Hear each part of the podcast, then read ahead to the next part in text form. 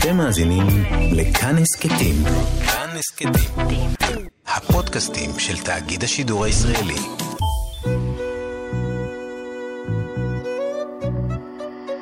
ליסה פרץ משוחחת. שלום לכם מאזיני כאן תרבות, באולפן ליסה פרץ, ואני משוחחת עם אנשי ונשות תרבות על החיים והיצירה. עורכת התוכנית ענת שרון בלייס, והאורח שלי היום הוא האדריכל והמו"ל הוצאת הספרים בבל, שרון רוטברט. שלום, שרון. שלום, ליסה. זהו, שאני, אני, כדי שאנחנו נכניס את המאזינים שלנו לעולמך, אני הייתי רוצה שתענה לי על שאלה מאוד מאוד גנרית, גדולה. מה אתה יותר? כלומר, מה, מה העולם שלך יותר? עולם הספרות, המו"לות, או עולם האדריכלות? כלומר, כאדריכל, מורה לאדריכלות, אדריכל מבצע, חוקר אדריכלות. אה, מה אני יותר? אני לא יודע מה אני יותר. זאת אומרת שאני... אה, יכול להיות שאני עוסק כיום יותר במו"לות ובספרים ובכלל בכל התחום של הרעיונות, גם בכתיבה. אני רוב הזמן או שאני כותב או שאני קורא, אני לא אה, משרטט. אה, וגם אני לא עוסק יותר בפרקטיקה של ארכיטקטורה. אבל מצד שני, אני חושב שהרבה ממה שאני כאילו למדתי כארכיטקט, זה בא לידי ביטוי באופנים שבהם אני פועל, גם בתוך מולות. נראה לי ש... קודם כל נגיד את זה ככה, באופן כרונולוגי או, או, או ביוגרפי, אה, אני נפלתי על ז'ורג' פרק בדיוק אה, פחות או יותר ביום הראשון שהתחלתי ללמוד ארכיטקטורה. אז אני אומר, חלק מהדברים שאנחנו אה, עושים בבבל זה גם, אני אגיד, צמח מתוך, ה, מתוך הקונטקסט הזה, אבל אני חושב שגם באופן יותר רחב, אני כן... אני אגיד, מכניס משהו, נקרא לזה אולי אינטגרטיבי, אה, לתוך הסוג הזה של הפעולה. אה, זאת אומרת, לא אומרים על ארכיטקטים שהם יודעים מעט דברים על הרבה דברים, אז אה, אני אגיד שזה אולי די מתאים לאופן שבו אני אה, פועל גם בבבל. אבל אה, אני איכשהו כן, רגל אחת פה, רגל אחת שמה. אה, יכול להיות שהיום יותר, אני כבר פחות אה, בארכיטקטורה ויותר ב... זה בא מאיזשהו אה, סוג של אה, רצון לנטוש, אכזבה, אה, סיפוק, לעסוק יותר בספרות מאשר אדריכלות? אה... אז באמת, קודם כל, אני באמת כל הזמן כזה, לא שאני קודם עשיתי ארכיטקטורה ואחר כך כתבתי וקראתי, אני אה, איכשהו תמיד עשיתי אה, את שני הדברים האלה בכל מיני מינונים. אני כן חייב לומר אה, ההיכרות עם הפרקטיקה של הארכיטקטורה, זאת אומרת, לעשות פרויקטים, לבנות אותם, אז הרבה דברים הפכו להיות יותר ויותר בעייתיים.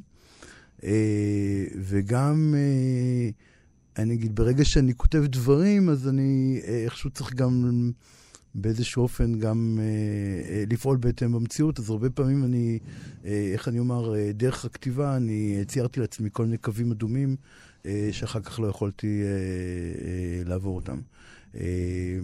אבל בגדול, אני...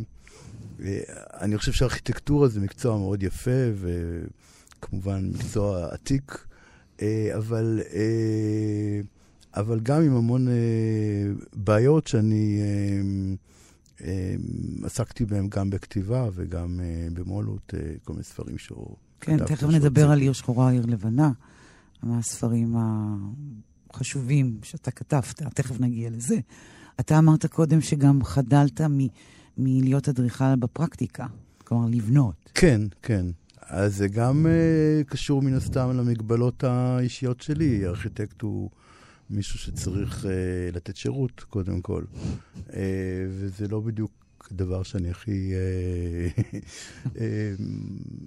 פנוי לעשות, לתת שירות לאנשים. ו... ואולי יותר, בצורה יותר רצינית, ארכיטקטים תמיד עובדים בשביל, בשביל אנשים שעושים, שיש להם כסף, או בשביל כל מיני התגלמויות כאלה או אחרות של, כוח, של הכוח, ופה אני אומר, הרבה פעמים זה בא לידי איזשהו סוג של קונפליקט עם כל מיני דברים שאני חושב או מאמין. אז במובן הזה, אני באמת, ככל שאני התבגרתי, אני יותר ויותר התרחקתי מה... אה, מהפרקטיקה. מהחיכוך הזה עם כסף ומש... והדרישות שכפופות. עם כסף וכוח, וזאת אומרת שכן, אה, אה, זה גם קושר, אולי דורש איזשהו סוג של כישורים חברתיים, גם שזה דברים שאנחנו לא ממש מלמדים אותם בבתי ספר לארכיטקטורה, איך להשיג פרויקטים או איך לשכנע לקוח. זה דברים שאחר כך, לא יודע, או שהם סטודנטים... אה, מביאים את זה ככה איתם, או שהם אה, אה, לומדים את זה במהלך הזמן, אבל זאת, זאת, זאת עבודה שהיא בעיקר דורשת עבודה עם אנשים אחרים. למרות שהחלקים היותר כיפים זה לבד, כשיושבים מול דף הנייר ו, ועושים סקיצה, אבל באמת 99% מהזמן של ארכיטקטים הם רק הולכים מישיבה משעממת אחת לשנייה, יושבים פקידים לעירייה, בעירייה, או עם... אה, או עם קליינטים, או עם מהנדסים, זה לא תמיד נורא נורא, אה, זה לא תמיד נורא מעניין. אה, בטח לא כמו לשבת ולקרוא ספר. אז בעצם רוב השנים האחרונות מתמקדות, הרבה מאוד שנים כבר, בחקר, חקר האדריכלות. בעצם מוביל אותי לעיר שחורה ועיר לבנה. שיצ... עיר לבנה, עיר שחורה. עיר לבנה, עיר שחורה. ולפני שנצלול, מתי הוא בדיוק יצא? באיזו שנה? הוא יצא ב-2005 כבר. לפני 15 שנה. ומה זיהית ב, בספר הזה, שאתה רואה אותו עם איזשהו קשר להווה שלנו? מה, בס, מה בספר הדבר, התמות שהתעסקת איתם, ואיך אתה מזהה אותם היום בשטח? התמה העיקרית של, אה, של הספר הזה, אה, וזה מן הסתם לא תמה חדשה, ובטח לא אני אה, המצאתי אותה, זה שתל אביב היא מחולקת, עיר שמחולקת לשני חלקים, שהם מאוד הופכים באופי שלהם, ברמה של הטיפוח שלהם, בהשקעות שמכניסים, רואים את זה כמעט בכל דיאגרמה אה, ובכל אה, מפה סטטיסטית שיוצאת של, של העירייה. ולטענתי, שני החלקים האלה, שהרבה פעמים קוראים להם צפון, דרום, הם בעצם שני סיפורים שונים שמספרים על אותו מרחב. אה, סיפור אחד, הסיפור של תל אביב, כמו שאנחנו מספרים אותה, אה, מההגרלה אה, של, על החולות ועד, ועד הסיפור של העיר הלבנה והאגדה של הבאוס וכל המסביב. ומצד שני, יש עיר שאנחנו בכלל לא מכירים, שאנחנו לא, שהיא בכלל לא חלק מתוך, מהסיפור של תל אביב. וזה בעצם כל השטחים שהיו חלק של יפו. אה, לפני 48. אה, אה, כך שבעצם העיר מנציחה איזושהי, איזושהי חלוקה היסטורית. שהיא קיימת, זאת אומרת, גם אם היו חלקים שסופחו לעיר אחרי 48, עדיין הם, אפילו קווי הגבול נשארו בצורה של, של חלקות, של בעלויות, של חלוקות יותר גדולות לשכונות ולרבעים, דברים דברים כאלה. אה, ובמצב היום, אם אנחנו מדברים על, על, על 2020, 15 אה, שנים אחרי היציאה של הספר, אז אפשר להגיד שרוב הקונפליקטים, אני אגיד, היה פאזה אחת שהקונפליקטים הלכו והקצינו, זאת אומרת שמצד אחד אה, היה לנו את אה, מחאת הדיור, אה, ובאמת איזשהו משבר בתוך העיר הלבנה, לצעירים כבר לא היה כסף לבוא ולגור בעיר הזאת. מצד שני, שנה אחר כך היו את כל... את כל המהומות בדרום תל אביב וכל ההפגנות האנטי-אפריקאיות. והיום אני חושב שאנחנו במצב שגם אלה וגם אלה, כולם פחות או יותר התעייפו. אה, היה, זה היה לנו עכשיו כמה שנים שבעצם אה, עיריית תל אביב אה, העבירה תוכנית מאוד אמביציוזית, תוכנית מתאר מאוד אמביציוזית לתל אביב. שמה? ובעצם, במסגרתה מה? במסגרתה גם, גם עתידים להיבנות הרבה מתחמים של תעסוקה ומשרדים, אני מדבר על מיליונים של מטרים רבועים, בעיקר בכל האזורים שעוטפים את מה שקראתי העיר הלבנה. זאת אומרת שזה פחות או יותר לגבול שבין יפו ותל אביב, וכל מה שהולך להיות לאורך הפארק החדש, על התוואי של המסילה, כן. מסביב לנווה שאנן, ואחר כך לאורך כל מיני צירים, נניח באזור של ציר שלבים, באזור של הגבול עם חולון, אז יהיו כל מיני מתחמים של, של בנייה מאוד גבוהה, לפחות זאת, זה לפי התוכנית. ואני כמובן לא יודע בדיוק, עוד לא, אני עוד לא הספקתי לחשוב או, או באמת להבין איך כל הדבר הזה הולך להסתדר יחד עם כל הפרויקטים של התשתית, כל המטרו וה, והמערכת להסעת המונים. ומצד שני, כמובן, יש את הקורונה, שעכשיו הופכת את הכל, והופכת את כל התוכנית הזאת לדמיונית. כן, היא כמעט בלהות, תחשוב על זה. בצל הקורונה, כל הדבר הזה. כדי שזה יתממש, זאת אומרת, צריך, כדי שבאמת אפשר לדבר ברצינות על, ה, על התוכנית הזאת, אז באמת צריך למצוא תרופה לקורונה ולחזור פחות או יותר ל-2018 או 2019.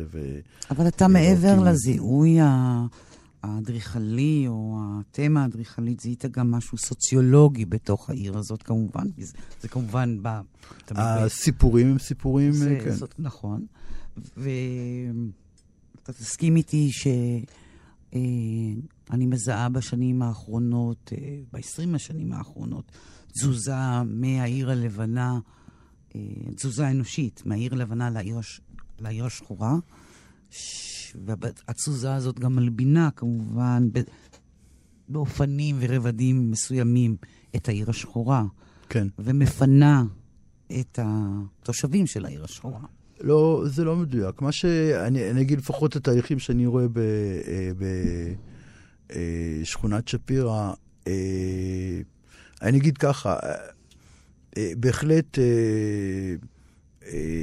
זה יצר איזשהו שינוי, קודם כל ברמה של... המגוון. אני חושב שהלגיטימציה של סיפורים אחרים של תל אביב, נראה לי עוד, עוד לפני שאנחנו מגיעים לתוצאה, ואני חושב שה... Uh, השאלה של הסיפור uh, של העיר, איך אנחנו uh, מספרים את העיר, היא, אני אגיד, אולי עוד נושא שהוא יותר כללי בספר הזה, והאופן שבו הסיפור של העיר uh, בסופו של דבר מתממש uh, בתוך העיר. Uh, אז במובן הזה, נקודת הפתיחה בכלל של הספר הייתה uh, איזשהו היעדר של uh, uh, כתבים וסיפורים על uh, מקומות... Uh, גם כמובן יפו, אבל גם הרבה שכונות אה, אה, דרומיות. אה, אז, אז אני חושב שקודם כל זה שלמקומות היה סיפור, זה בהחלט יצר איזושהי אה, אה, לגיטימציה. שותפות בנרטיב. אה, קודם כל לגיטימציה אה, של הקיום של המקומות האלה, וזה מקומות שכשאני כן. הגעתי הם היו תחת איום של... אה, פינוי-בינוי גורף, אם אני מדבר על אולי חצי, שליש, שליש משכונת שפירא. אז, אז אני אומר, קודם כל נוצרה איזושהי לגיטימציה גם בקרב התושבים, זה גם עזר, אני אגיד, לפחות לבלום כל מיני יוזמות או, או, או לעודד יוזמות אחרות. ובהחלט, ובהחלט גם יצר איזו לגיטימציה לאנשים לעבור לשכונת שפירא. כשאנחנו עברנו לשכונת שפירא... צריך לציין כן. שאתה חי, כלומר, אתה חי שם כמה שנים טובות. 20 שנה, כן. 20 שנה. תכף נגיע להיבט האישי הזה. תמשיך במה שרצית לומר. כן, אז אני אומר, כשעברנו לשם, אז באמת היו אנשים ש... אני זוכר, היו אנשים שפחדו לבוא אלינו. אז היום זה, זה נשמע מצחיק, אבל, אבל, אבל זה פחות או יותר היה המצב לפני 20 שנה, זה לא, זה לא הרבה. אז כן, התחילה, התחילה באמת איזושהי תנועה, אני חושב שבעיקר בהתחלה זה היה הרבה אקטיביסטים, אה, כל מיני עמותות וקומונות, אז היו כל מיני אה, דברים כאלה, אה, וגם סטודנטים. אה, עכשיו, זה אה, נכון ש... זה אה, קצת אה, לא... אה, זה קצת אה, מקלקל את ה... בוא נאמר, את המגוון האנושי שם, לא? זה קצת אומר, צורם, כמעט ש- צורם. אני חושב שכשאת, אה, שכשאת, את, את, לזה את התכוונת, נכון. כשאת דיברת על התנועה. אה, אבל המ- אני אגיד ככה, המגוון האנושי בדרום, לפחות אצלנו, אה, הוא מורכב מ... זאת אומרת ש... בואי נגיד ככה, שיש יש, אה, אוכלוסיות שהן רלוונטיות לספר הזה אה, שאת מדברת עליו. זאת אומרת שאנחנו מדברים על היכולת של ההשפעה של הספר על... אה, אה, אה, נגיד, על, על איזושהי התפתחות סוציולוגית אה, בדרום תל אביב, מן הסתם אה, זה אנשים שקראו את הספר. אה, אז זה נכון שיש הרבה אנשים שגרים אצלנו בשכונה, שבחיים לא קראו את הספר ובחיים לא יקראו אותו. אה, אה, גם אוכלוסיות, נקרא לזה יהודיות מסורתיות, ש, שחיות, גם, גם חרדים, יש לא מעט אה, אצלנו, אבל גם אה, כל הקהילות האחרות שגרות, שלא בהכרח קוראות עברית, למרבה הצער. איפה גרתם לפני שפירא, אם מותר לשאול? אה, לפני שפירא גרנו בדירה שכורה ב... ליד מסריק. הבנתי. וההחלטה לעבור לשפירא, מה הייתה המוטיבציה שמאחורי ההחלטה הזו? האמת היא שלא היה בדיוק איזושהי מוטיבציה, אני רציתי לבנות בית, רציתי לבנות לעמית בית, שזה אה, אחד הפרויקטים, אה, אני אגיד, ארוכי הטווח אה, שהיו לנו.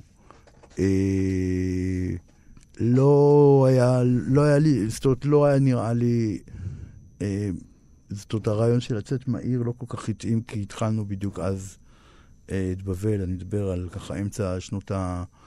אה, תשעים. שנות התשעים, ולא היה לנו, לא היה לנו כל כך כסף, אז זאת אומרת, פחות או יותר אה, אה, זה התחיל מעניין לחלוטין כלכלי. אובייקטיבי, כן. והמעבר שלכם למקום הזה היה טבעי לך? היה זר לך בהתחלה? איך אתה בעצם התנהלת בהתחלה בתוך המקום שהוא לגמרי זר לך?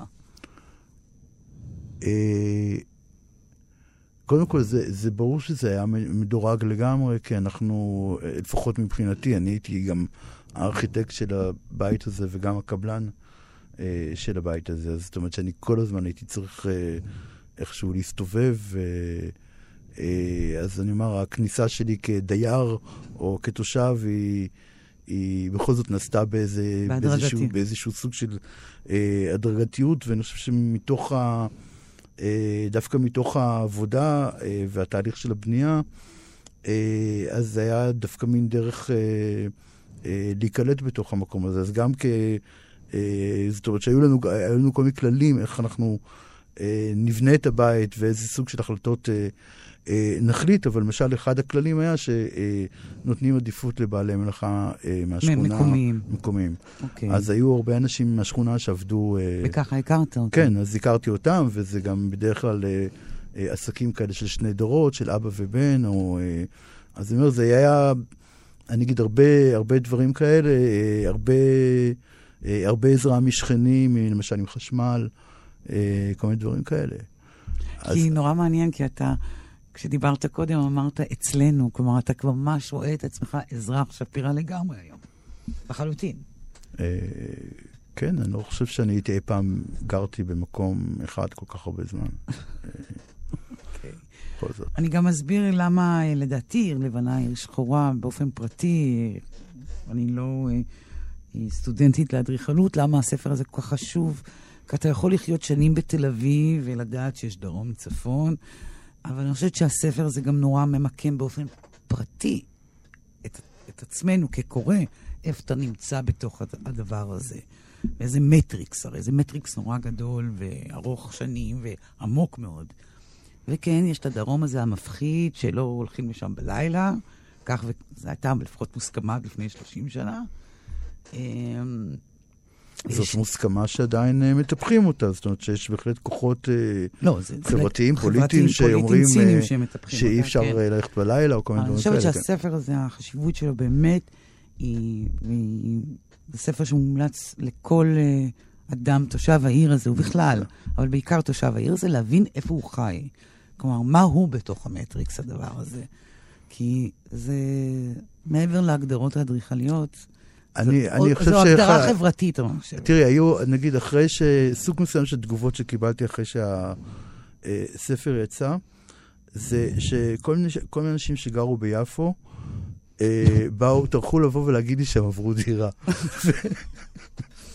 תקשיב, זה, זה אולי הדבר הכי טוב שיכול לקרות לספר. אולי, הוא משנה כן. חיים. כן, שהוא משנה לאנשים קצת את הרעיונות. אז זהו, אז אני חושבת שגם המושג אה, ג'נטריפיקציה, אוקיי, שנגזרה מהספר הזה באופן בולט, לא רק, בדיונים אני, על אני, הספר, אני, בדיונים אני חייב לומר שאני, אני, אני, זה ויכוח שהוא מתנהל עכשיו כעת בדרום תל אביב, ואני חושב שמה? שדווקא... תספר לי, תשתף אה, אותי. בין תושבים, אה, שולה קשת, אה, אה, ואפשר לראות את זה, זאת אומרת שכרגע יש פרויקטים מסיביים של אה, ג'נטריפיקציה ושל בנייה אה, מחדש, אה, אה, כל האזור שם של, אה, של צ'לנוב למשל, אבל יש הרבה דברים שהם על ה...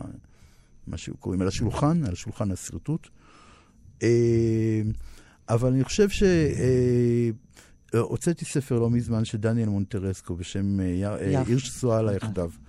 והוא, יש לו שם איזשהו מבט על ג'נטריפיקציה שהוא, אני אגיד, קצת פחות שחור ולבן משלי, ואני די קרוב להשתכנע ממנו, אני חייב לומר. שמה? והוא- מה הוא שכנע הוא, אותך? הוא, הוא מדבר על משהו שהוא יותר מרובד, שהוא רב-שלבי, שיש כל מיני אנשים, יש, יש ג'נטריפיקטורים רדיקליים, למשל כל החבר'ה שהקימו את אנה לולו בר, זאת אומרת, כל מיני סוגים, נקרא להם, יותר אקספרימנטליים של... אה, של סוכנים, סוכנים ש- שהם יותר אולי אה, מהדהדים את המקום, לא משתלטים עליו בצורה בוטה. בהחלט, בהחלט. זאת אומרת, תראי, אנשים תמיד עברו דירה, אז אני חושב שצריך גם להיזהר אה, מהשיח הזה, שבעצם אה, מכריח כל אדם אה, לשבת במקומו בגלל שהוא אה, נולד שם. זה הרי לא קורה, אנשים כל הזמן זזים ממקום למקום, נודדים. אה, אה, אה, אז זאת אומרת שאי אפשר באמת לבוא ו...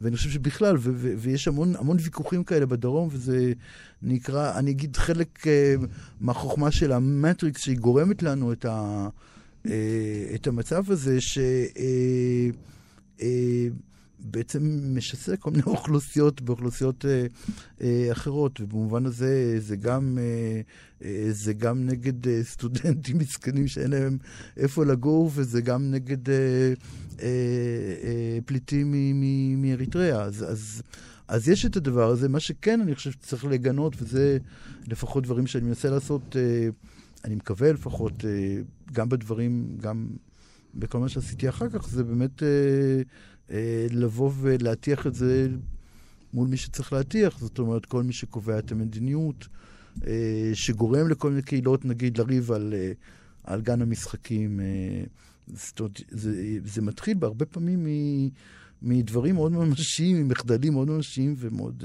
ברור קונקרטיים. בקרבה- שהם בתוך הרדיוס שלך כן. כמעט. ואם היית צריך לכתוב אה, ספר המשך ל- לספר הזה, אתה יודע, ל... אם אני לא יודע, אני לא חושב שאני רוצה לכתוב ספר המשך לספר הזה בינתיים. זאת אומרת, בספר יש ספרים אחרים, אבל, אבל לא, לא. לא? דווקא זה. לא. כלומר, זה. הנושא הזה מיצה את עצמו, אני חושב למרות שכן, שאני חושבת שהוא- קצת מתל אביב ומכל ה... באמת? כן, קצת, כן. אל תגיד לי שעכשיו אתה תעבור מתל אביב. לא, אבל אה, בינתיים אני לא יכול ללכת לשום מקום, נדמה לי. אני, כמו כולם, יושב בבית עם פיג'מה. כן, אבל אתה, הכל, אה, אתה לא יכול גם לעשות לנו את זה, זה ממש כאילו הנביא. לא, לא, לא, אין לי, אני כאילו יושב שם. ו- אבל, אבל אני אומר, אה, אה, אה, זאת אומרת, גם באיזשהו מקום אנחנו הפסדנו. זאת אומרת שיש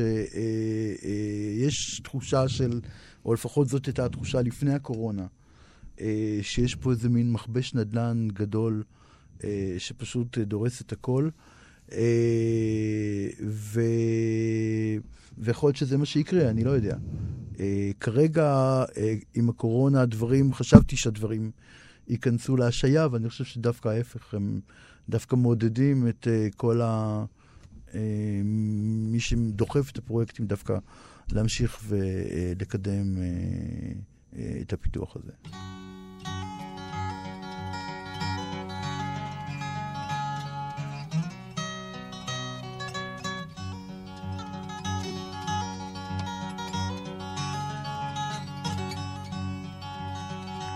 I'll sing you this October song. Oh, there is no song before it. The words and tune are none of my own, for my joys and sorrows bore it. Beside the sea, the brambly briars in the still off evening Birds fly out behind the sun, and with them I'll be leaving.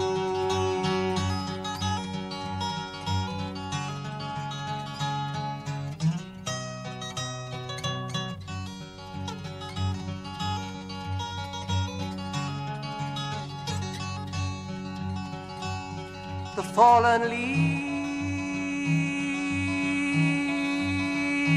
that jewel the ground. They know the art of dying and leave with joy their glad gold hearts in the scarlet shadows lying. When hunger calls my footsteps home, the morning follows after. I swim the within my mind, and the pine trees laugh green laughter.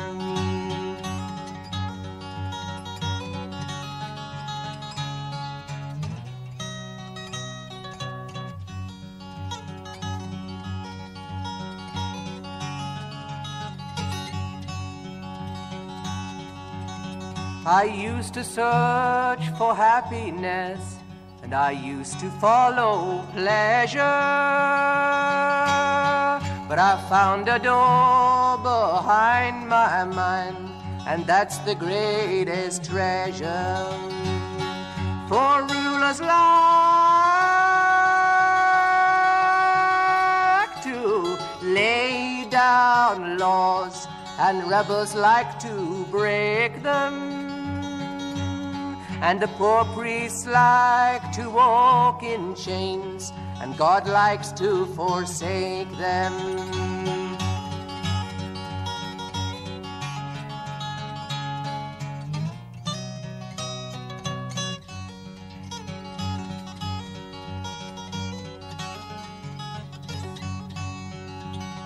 I met a man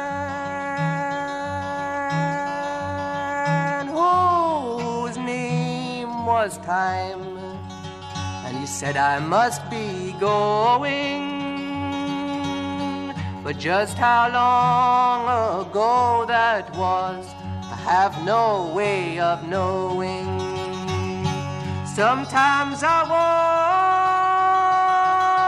want to murder time. Sometimes when my heart's aching. But mostly I just stroll along the path that he is taking.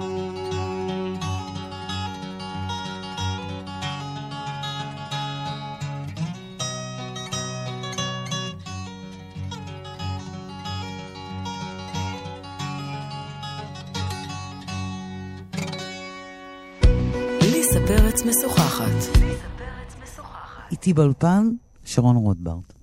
בוא נדבר רגע על בבל. בבל, כאמור, הושקע באמצע אה, שנות ה-90. אה, אתם כבר, נכון להיום, אה, נחשבים להוצאה ותיקה לגמרי. אה, שורדת, ותיקה. אנחנו, אנחנו אזרחים ותיקים כבר, אפשר להגיד, אז... ואני שואלת אם האופי שלה השתנה במשך השנים? איך היא התחילה, הוצאת בבל? קודם כל זה התחיל בחלום של עמית, של אשתי. זה קודם כל מפעל שלה ו... מה היה, מה היה ה... הרעיון או אה, הסדר יום ש... דרך, הספרים האלה רציתם לכונן בתוך הבולות הישראלית? אני לא חושב שבאנו עם איזשהו אה, דגל אה, כזה גדול, אה, ורצינו להכריז על איזשהו משהו ש... אה, נראה לי שבאנו דווקא מאוד, ב, אני מקווה, מאוד ב, דווקא בצניעות, אה, וניסינו למלא כל מיני חורים קטנים שחשבנו שחסר. כאילו, זה אה, דברים שאמרנו לעצמנו ולאחרים אז. אה, זאת אומרת, אז ברקע נראה לנו כחור קטן. אה, זה שאין, ופסוע, ו... אה, וברט, אולבק בדיוק התחיל, אז עוד לא, עוד לא... אה, אבל, אבל, אה, אז כן, אז אני חושב שבאמת חשבנו שצריך לעשות השלמות, זאת אומרת, היה לנו ועדיין יש לנו המון אה, אה, כבוד למולות העברית אה, שנעשתה פה. אני חושב שאנשים לא כל כך אה, מבינים היום איזה דבר מדהים שנעשה כאן, אה, אפילו בשנים לפני, לפני קום המדינה, אה, מבחינה של אה, תרגומים שעשו פה. אה, אה, מהדורות, באמת תרגומים שיטתיים של אה, כל הקלאסיקה, אה, ומסתכלים על הספרים האלה, זה תענוג, הכל באמת בלי שגיאות כתיב ובלי שגיאות הגעה, ובאמת דברים סופר טוב, מוקפדים. זה הבסיס, לא?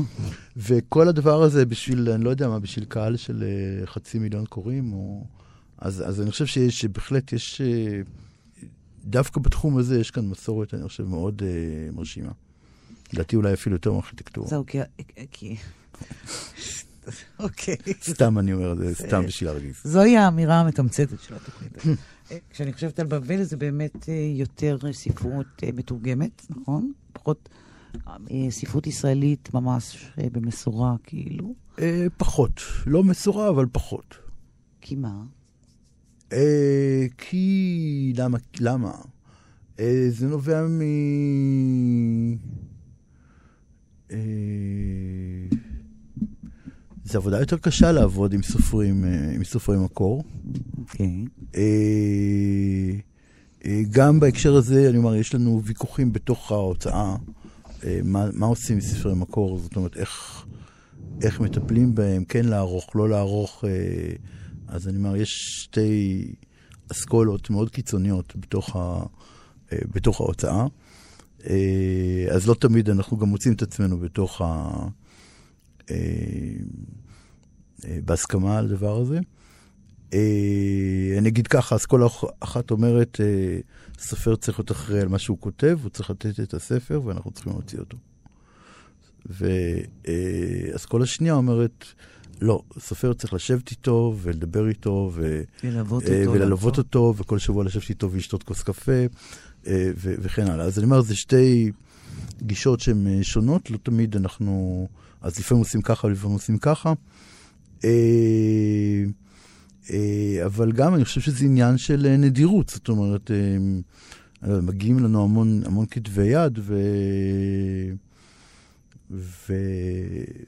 ובסוף, זאת אומרת, אם, אם מראש היינו אומרים, אוקיי, אנחנו חייבים להוציא עשרה ספרי מקור בשנה, אז אולי אה, זאת הייתה איזה מין מגבלה שהיינו לוקחים על עצמנו בשביל לבחור מה שלא יהיה, אבל אה, בדרך כלל, לפחות אצלנו, זה לא, זה לא עובד ככה. זאת אומרת, אין לנו איזושהי פרוגרמה שצריך להוציא אה, ספרי מקור, אם יש ספר... ואיך בקורונה? איך מתפקד מול ישראלי בקורונה, באמת? תתאר לי את זה. אה, זה כבר שאלה שהיא יותר כלכלית, אני חושב. נכון. כי בסך הכל... אה, היום uh, רוב המו"לים uh, או העורכים הם יושבים, או המתרגמים. או הסופרים, כולם יושבים בבית וכותבים, או עורכים, זאת אומרת, זה מה ש... בחל"ת רובם. בהוצאות הגדולות. כן. אתם עובדים כרגיל? אנחנו עובדים כרגיל, כן. הבנתי. זה אומר פחות ספרים בשנה הבאה, זה אומר מיקוד אחר של תוכן. אני אגיד ככה, יש כאן, אה, מי שהגדיר את זה מאוד יפה זה אה, המו"ל של הוצאת פרדס, אה, דוד גוטסמן, לפני כמה זמן באיזושהי תוכנית רדיו או, או פודקאסט כזה, שהוא אמר שהוא מרגיש קצת כמו... שכל ה... אני יודע מה, כל, כל הבמבים ביער פתאום יום אחד קמים בבוקר וכל חיות הטרף נעלמו. אה, אז אנחנו במצב ש... זאת אומרת, ההוצאות הגדולות נסגרו בגלל ש... או יצאו לחל"ת, אה, בגלל שסטימצקי וצומת יצאו לחל"ת. זאת אומרת, כל המערכת הזאת אה, בעצם השתתקה. אבל מצד שני, זו מערכת שדי דרסה את ה... אני אגיד, הרבה עולים אחרים יותר קטנים, או לפחות גם אם היא לא דרסה, היא לא בדיוק עבדה בשבילם. זאת אומרת, אה, אה, ספרים שיוצאים בהוצאות קטנות לא בדיוק בדרך כלל מככבים ברשימות רבי המכר, או מופיעים שם על ה... מה שנקרא שולחנות הכוח, או אני יודע מה, ליד הקופות. אז, אז מהבחינה הזאת זה קצת הוריד את כל הרעש וההמולה. את הלחץ. וגם את הלחץ שלנו. אה, לעבוד בשביל, ה, אה, בשביל הרשתות האלה, והיה אה, לנו חנות עוד קודם, אבל היא התחילה לעבוד הרבה יותר, הרבה יותר חזק, אז אנשים פשוט נכנסים לאתר שלנו וקונים באינטרנט ומקבלים את הספרים די מהר וארוזים יפה. ו... אתם ההוצאה שגם מוציאה את הספרים של וולבק, מישל וולבק, הסופר הצרפתי הנהדר. זכית להכיר אותו? כן. מה הייתה ההתרשמות שלך ממנו? אה, האמת שזכיתי להכיר אותו די מזמן, זאת אומרת ש... אה, אה, אני נפלתי על הספר הראשון שלו פחות או יותר ביום שזה יצא לחנויות בצרפת. במקרה הייתי בחנות הספרים שלי, והמוכר ספרים נתן לי את זה, היינו ממש בימים הראשונים של בבל, וקראתי את זה בדרך הביתה במטוס. אה, ודי נכנסתי להלם. אה, והיה לנו ויכוחים בתוך ההוצאה, מה לעשות עם הספר הזה, כן, לא, כן, לא. אה, בינתיים יצא לי להיות עוד פעם בפריז, ומצאתי עוד ספר, ובתוכו היה מאמר של וולבק על ארכיטקטורה. לא יודע אם את מכירה. לא, אני לא מכירה. מאמר נהדר שנקרא גישות בתהייה. זה יצא אצלנו בקובץ שנקרא להישאר בחיים. אז uh, אמרתי, וואלה. אחרי כמה זמן אני קראתי בעיתון שיצא uh, uh, החלקיקים האלמנטריים. שלחנו פקס, כמו שהיו עושים אז להוצאה, וביקשתי לקבל את ה... uh, לקרוא את הכתב יד, וקראנו, קיבלתי את הכתב יד. אוקיי. Okay. וגמרתי לקרוא את הכתב יד, ואמרתי לו, טוב, עוד בכלל לפני שאנחנו... זאת אומרת, גם ביקשנו את הזכויות על שני הספרים בבת אחת, אה, וגם כתבתי לו מכתב, והזמנתי אותו לבוא לארץ. והוא בא לארץ. אה, ב-99, אני חושב שזה היה. אוקיי. Okay. אה, ו... אז, אז הייתה שם נדמה איזושהי תקלה שהוא, בדיוק באותו שבוע העבירו את החוק שאסור לעשן במטוסים. והוא אה, אוקיי. עישן בכל זאת. אוקיי. אז עצרו אותו בשדה תעופה, הוא לא הגיע לארוחת ערב, וזה, הזמנתי אותו לכנס שעשיתי באוניברסיטת תל אביב. אה,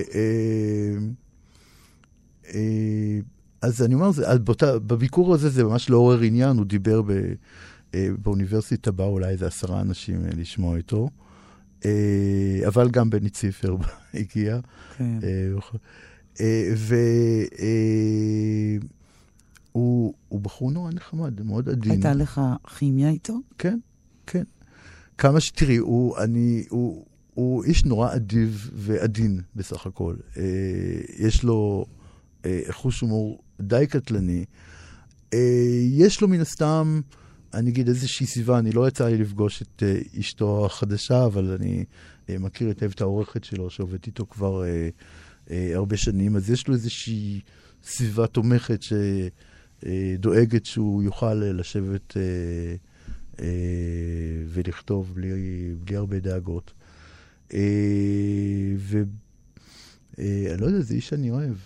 הוא נורא אישי. נורא, הספרים שלו נורא הצליחו בארץ. איך אתה מסביר את פשר החיבה הזאת שישראלים הוגים אליו? אני לא חושב שרק בארץ הם מצליחים. לא, אבל אני, אני, אני מדבר גם על השוק המקומי, אני יודעת שהוא מצליח גם בעולם, אני מנסה להבין מה... מה מבולבל אני, אני לא יודע מה זה נחשב הצלחה אצלך כאילו בארץ, זה תעודה, לא... תעודה, גם תעודה. זה גם... לא מוכר כמו, אה, נגיד, אה, סליחה, אני מקווה שאני לא מסגיר איזשהו סוד מסחרי, אבל זה לא מוכר כמו עמוס עוז או, או דוד גרוסמן, או אלנה פרנטה, או זה לא, בכלל לא בסדר גודל הזה, זה כן, אבל הוא קהל יחסית... אה, קטן, איכותי, אבל מאוד מתמיד. כן, קהל נאמן. קהל כן. נאמן ומתמיד, ואני חושבת שבעיקר הוא...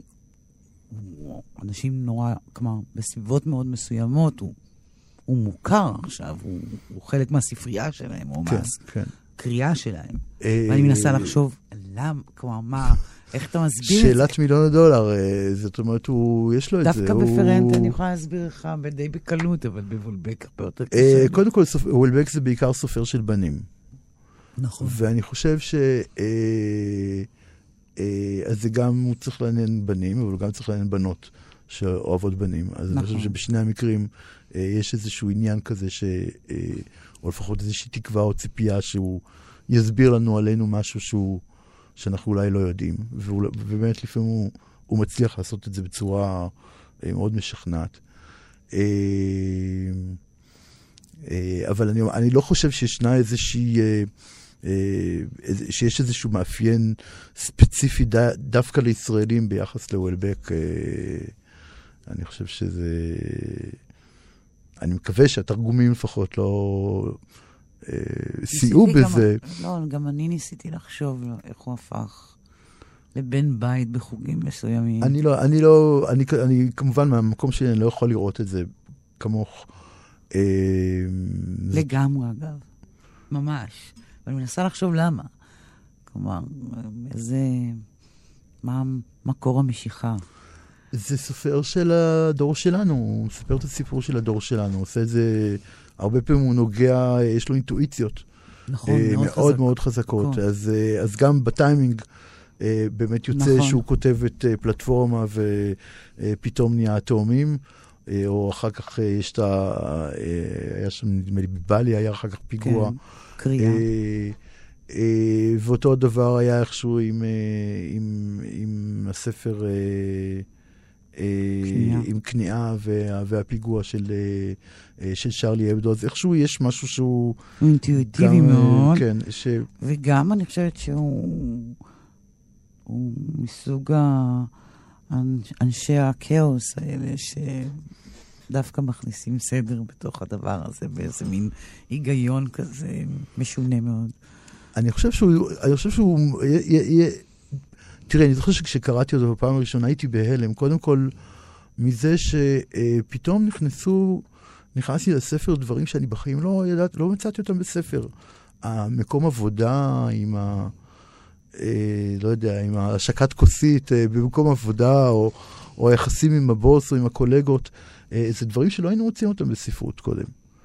אה, אז אני, אני אומר, יש קודם כל, אפילו ברמה הסוציולוגית, הוא, על ההתחלה הוא בא ודיבר עם אנשים שקוראים ספרים, אה, אבל נניח בצרפת, אז אין להם מזון דו קמפן, או שהם לא אה, נוסעים לכל מיני מקומות אקזוטיים, כמו שהרבה פעמים אפשר למצוא את זה בכל מיני אה, אה, רומנים. אה, אז הוא בא, דיבר עם אנשים מהשורה, ואמרנו, תשמעו, הנה אני כותב עליכם, אליכם. אז במובן הזה אני חושב שיש כאן משהו שהוא היה חדש אז. השאלה שמעסיקה אותי, אגב, לאורך כל השיחה הזו, ושוב פעם, היא קשורה לקורונה, אבל היא מהכובע השני שלך כאדריכל, אני מנסה לחשוב על הייעוד של אדריכל ב... בעת הזאת ובזמן שיבוא אחרי. העולם שייברא, ייברא כאילו אחרי. מה יהיה הייעוד שלו? איך אתה אני, רואה את זה? אה, סתם, אני חושבת על, על מבנה הענק כאלה בעולם. תראי, אני אגיד, אני אגיד לך לעצמי- משהו, אנחנו כאילו יש לנו כל איזה מין פנטזיה על, על ארכיטקטורה, ו... לא, לא, אני, אני, אני, אני שואלת אותך כדי לאוורר איתך איזושהי מחשבה אולי שיש לך, אז... אה, כי אני, אני מסתכלת על כל הבניינים הגדולים האלה שנבנים, ואני אומרת, אין להם שום שימוש עכשיו. אין להם שום שימוש, ובשביל להסב. אותם למגורים, זה אה, מאמצים אה, אה, אדירים. אה, זה פשוט הרבה הרבה הרבה חלל אה, אה, מיותר, ש... שכרגע מקיף אותנו. הרבה, אנחנו בעצם נמצאים בתוך איזה מין, אפשר להגיד, ערימת השפעה אורבנית גדולה. אה, אז יכול מאוד להיות שיהיו כל מיני אסטרטגיות אה, לשנות את הדברים האלה. אני לא לגמרי בטוח שהארכיטקטים הם אלה שצריכים, אה, שיהיו מסוגלים לעשות את זה דווקא. למה? אה, אני חושב שהארכיטקטים... אה, יש משפט יפה של מבקר צרפתי, מבקר ארכיטקטורה צרפתי, פיליפ אה, טרטיאק. הוא אומר, אה, ארכיטקטורה זה טעות מונומנטלית. ו- ואיכשהו זה תמיד, אה, איכשהו תמיד יוצא, יוצא ככה, ובכלל, זאת אומרת, כל הארכיטקטים, הם, הם, יש להם פיקסציה מוחלטת על, ה, על האובייקט, על האובייקט של הבניין, אה, אה, של הארכיטקטורה, של ה... לא יודע, דווקא בהארץ היה לא מזמן, אה, אה, מישהו כתב על ביבי ועל אה, קמעיין המתגבר. אז הספר הזה, קמעיין המתגבר, זה, אה, ספר חשוב, לדעתי הוא אולי הכי חשוב שנכתב על ארכיטקטורה במאה אה, השנים האלה, כי הוא גם, אה, הוא גם, אה, אני אגיד, מציג אגיד בצורה דבילית, אבל, אבל הוא מציג את, ה, אה, את, ה, את האובססיה, את המונומניה הזאת, ש, שבאמת אה, מחייבת את הסוג הזה של הפעולה. אבל, אה, אבל בתכלס ארכיטקטים לא פותרים שום דבר, הם רק עושים בעיות, הם לא פותרים בעיות. אה, רק, רק אם תחשבי על זה, זאת אומרת, אה, באמת, נדמה לי שזה היה דווקא בארכיטקטורה, שפעם ראשונה התחילו לדבר על, על, מודרנ, על מודרניזם, אחר כך גם על פוסט-מודרניזם ועל דקונסטרוקציה, כן. ואפילו הייטק, אני שמעתי על, בארכיטקטורה הרבה הרבה לפני ששמעתי על הייטק בסיליקון. Okay. אולי. אה, זאת אומרת, הייטק זה היה, נגיד מרכז פומפידו, אמרו בשנות ה-70 זאת ארכיטקטורה, סוף שנות ה-70 אמרו זאת ארכיטקטורת הייטק. לכל היותר בתחילת uh, שנות ה-80. אבל כל, זה תמיד, זה תמיד קשקוש. אנחנו מדברים כבר 150 שנה על ארכיטקטורה מודרנית. Uh, אבל תחשבי שלפני 150 שנה, אם רצית לנסוע מארץ לארץ, היית צריכה אולי לקחת כדור פורח. והיום את יכולה לטוס אה, תאורטית אה, למאדים. אה, כל מיני דברים שהיו מאוד אה, בלתי אפשריים אה, לפני 150 שנה, אה, או לפני 100 שנה, אה, היום הם, אה, הם דברים אה, בנאליים לגמרי. Okay. אוקיי. עדיין, אה, אם היית חיה לפני 100 שנה, עדיין היית משלמת, אה, אם היית חיה בתל אביב לפני 100 שנה, נגיד ב-1920 בדיוק, היית עדיין משלמת חצי מה... השכר שלך לשכר דירה. אה, זאת אומרת שעם כל הדיבורים על מודרניזם ועל, אה, אה, ועל קדמה, לפחות בתחום הזה של הבנייה, עד כמה שהארכיטקטים באמת אחראים עליו, הם, חי... הם לא, לא אחראים על הכל. לא, אבל, לא על כל לא התהליך. על הכל, אבל, אבל עדיין, לפחות בתחום הזה, שום דבר לא השתפר. בהרבה תחום, תחומים אחרים, כן, לא יודע, מה, מה הייתה חליפה, כמה עלה לקנות חליפה לפני 100 שנה וכמה עולה היום. אה, הרבה דברים אה, כן, אבל אני, אני הרבה יותר נגישים. כל הבניינים הגדולים האלה, אז גם לא נצטרך את כל כך הרבה האדריכלים האלה. כלומר, הדבר הזה רווי גם מבחינת הדבר עצמו וגם מי שעושה אותו. אה, לא? כן, בהחלט, יש יותר מדי ארכיטקטים. ישב פה אדריכל לפני כמה חודשים, והוא בכלל מדמיין עולם של מחילות. כלומר, מין בניינים אה, יותר אה, אפוקליפטיים, סגורים, קטנים, לא ראפתניים, מפוחדים, לא... אה, באמת רעש וצלצולים כזה. והעוטפות הזאת של הרעש והצלצולים, זה... אבל בתכלס, כמה, כמה, באמת, כמה באמת צריך את כל המחשבה הזאת? רוב האנשים, הדרישות שלהם בסך הכל הן מאוד, אני אגיד, צנועות. אה, חלק מאוד גדול, מה, נגיד, מהפעילות הארכיטקטונית, היא, לא, היא בכלל לא מדברת אליהם, היא בכלל לא מדברת עליהם. היא מתנהלת איזה 100 קילומטר אה, מעל הראש שלהם. אה, אז במובן הזה, אני אומר, הארכיטקטים כדמות, כ, כסוג של שחקן בתוך כל המערך הזה, היא דמות שהיא קצת... אני אגיד, היא כמעט גרוטסקית. זאת אומרת שהוא כל הזמן אני ואני והאגו שלי, וזה, ואני בניתי ואני עשיתי, והם כולם אומרים, אני בניתי את זה, בניתי את זה. אבל בתכלס, מה הם בנו? הם ישבו במשרד ועשו, אה, הוציאו תוכניות, והיה מישהו שעמד בשמש וזיהה, ועבד. אה, וגם לאנשים היו מנהלים ומהנדסים, והיו שם עוד הרבה אנשים אחרים שאת בכלל לא שומעת מהם. זה לא כמו, נניח, סתם, נשווה את זה עם... אה, אפילו אומנות אחרת, שגם שם יש שם אגואים נורא גדולים, כמו קולנוע. אוקיי? הבמאי הקולנוע, יוצר הקולנוע, זה דמות, שחקן חשוב בתרבות. אבל בכל זאת, את גומרת לראות את הסרט שלו, וזה לא משנה אם זה פיצ'ר של שלוש שעות, או שזה סרט סטודנטים של uh, עשר דקות. Uh, אחר כך את צריכה לשבת בעולם ולראות את כל הרשימה של השמות, uh, כל נערות המים והמאפרים והספרים ונערים שטחים, שעשו, שהם חלק מהסרט הזה. Uh, פה בארכיטקטורה יש לנו רק את השם של הארכיטקט, uh, אולי לפעמים הקבלן, אבל אותו אפשר מדי פעם uh, להחליף. אה, כמובן שאת הפועלים אה, אף אחד לא שומע, גם לא אלה שנהרגו באתר הבנייה. אז, אז יש כאן משהו שהוא לחלוטין, אה, אני אומר, לא ממש מעורר אמון ברמה הזאת, שזה לא, לא הם שאני, שאני אבוא אליהם לבקש את עצתם. אז למי כן? מה? אז למי כן? אני חושב, אני, אני, אני דווקא יותר מאמין באיזשהו סוג של, אה, נקרא לזה, אה, אה, יצירתיות קומבינטורית של תושבים, של אנשים רגילים. מה, מה זאת אומרת? תן לי נגיד סתם מחשבה על זה. דווקא פה אני חושב ששכונת שפירא זה דוגמה נורא טובה, כי רואים שם הרבה, הרבה מהיצירתיות הזאת. באיזה אופן? באה לידי ביטוי.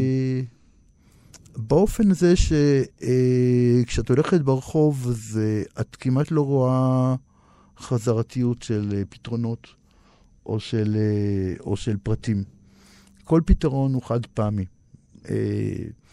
כל שער נראה אחרת, כל גדר נראית אחרת, כל סורג נראית, נראה אחרת, והרבה פעמים זה קורה באמת מתוך אה, זה שמתוך או... האילוצים, שמה שיש מתחת ליד, או, כן. או מה שאנחנו יכולים להרשות לעצמנו אה, באותו הזמן. אז, אז אני חושב שזה, בדרך כלל כשיש לנו את האילוצים האלה, יש לנו הרבה פחות ארכיטקטורה, ואז זה דווקא, אה, לפחות אני אומר את זה בתור, אה, מהטעם הארכיטקטוני שלי, זה לפחות אה, יותר מעניין, או יותר... אה, וזה, אה, זה, זה, זה, זה, המחשבה הזאת שאתה עכשיו אומר לי, זה משהו שחשבת אותו תמיד, מאז ומעולם, או שזה איזו רוויה שהגעת אליה וזאת המחשבה כפועל יוצא?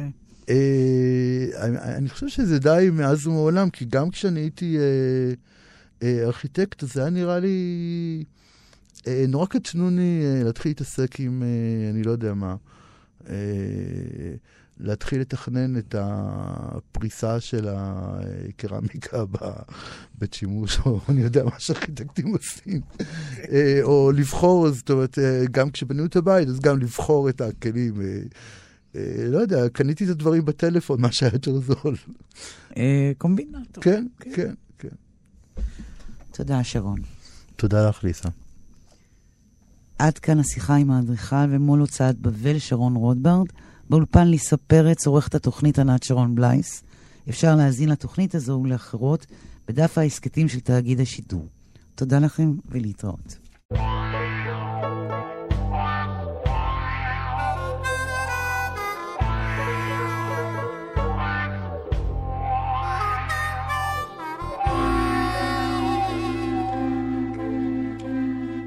Je suis venu dans le café au bord du fleuve un peu vieilli, un peu blasé. J'ai mal dormi dans un hôtel ou chambre neuve. Je n'ai pas pu me reposer. Il y a des couples et des enfants qui marchent ensemble. Dans la paix de l'après-midi, il y a même des jeunes filles qui te ressemblent. Dans les premiers pas de leur vie, je te revois dans la lumière, dans les caresses du soleil. Tu m'as donné la vie entière.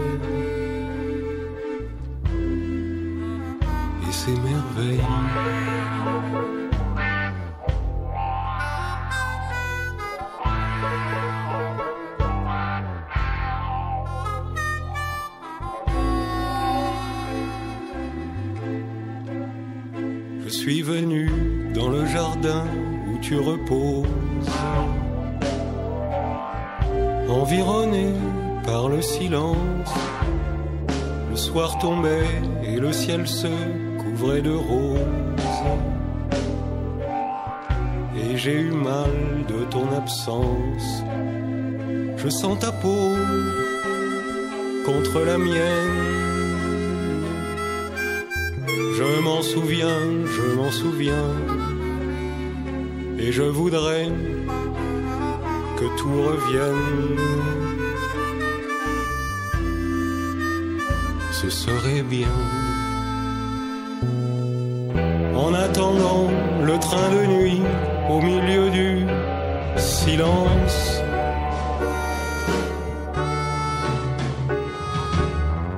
Quand le jour s'est évanoui, j'ai senti ta présence. Toutes les nuits, seul dans mon rêve, je sens ta peau et ta chaleur au moment où la nuit s'achève.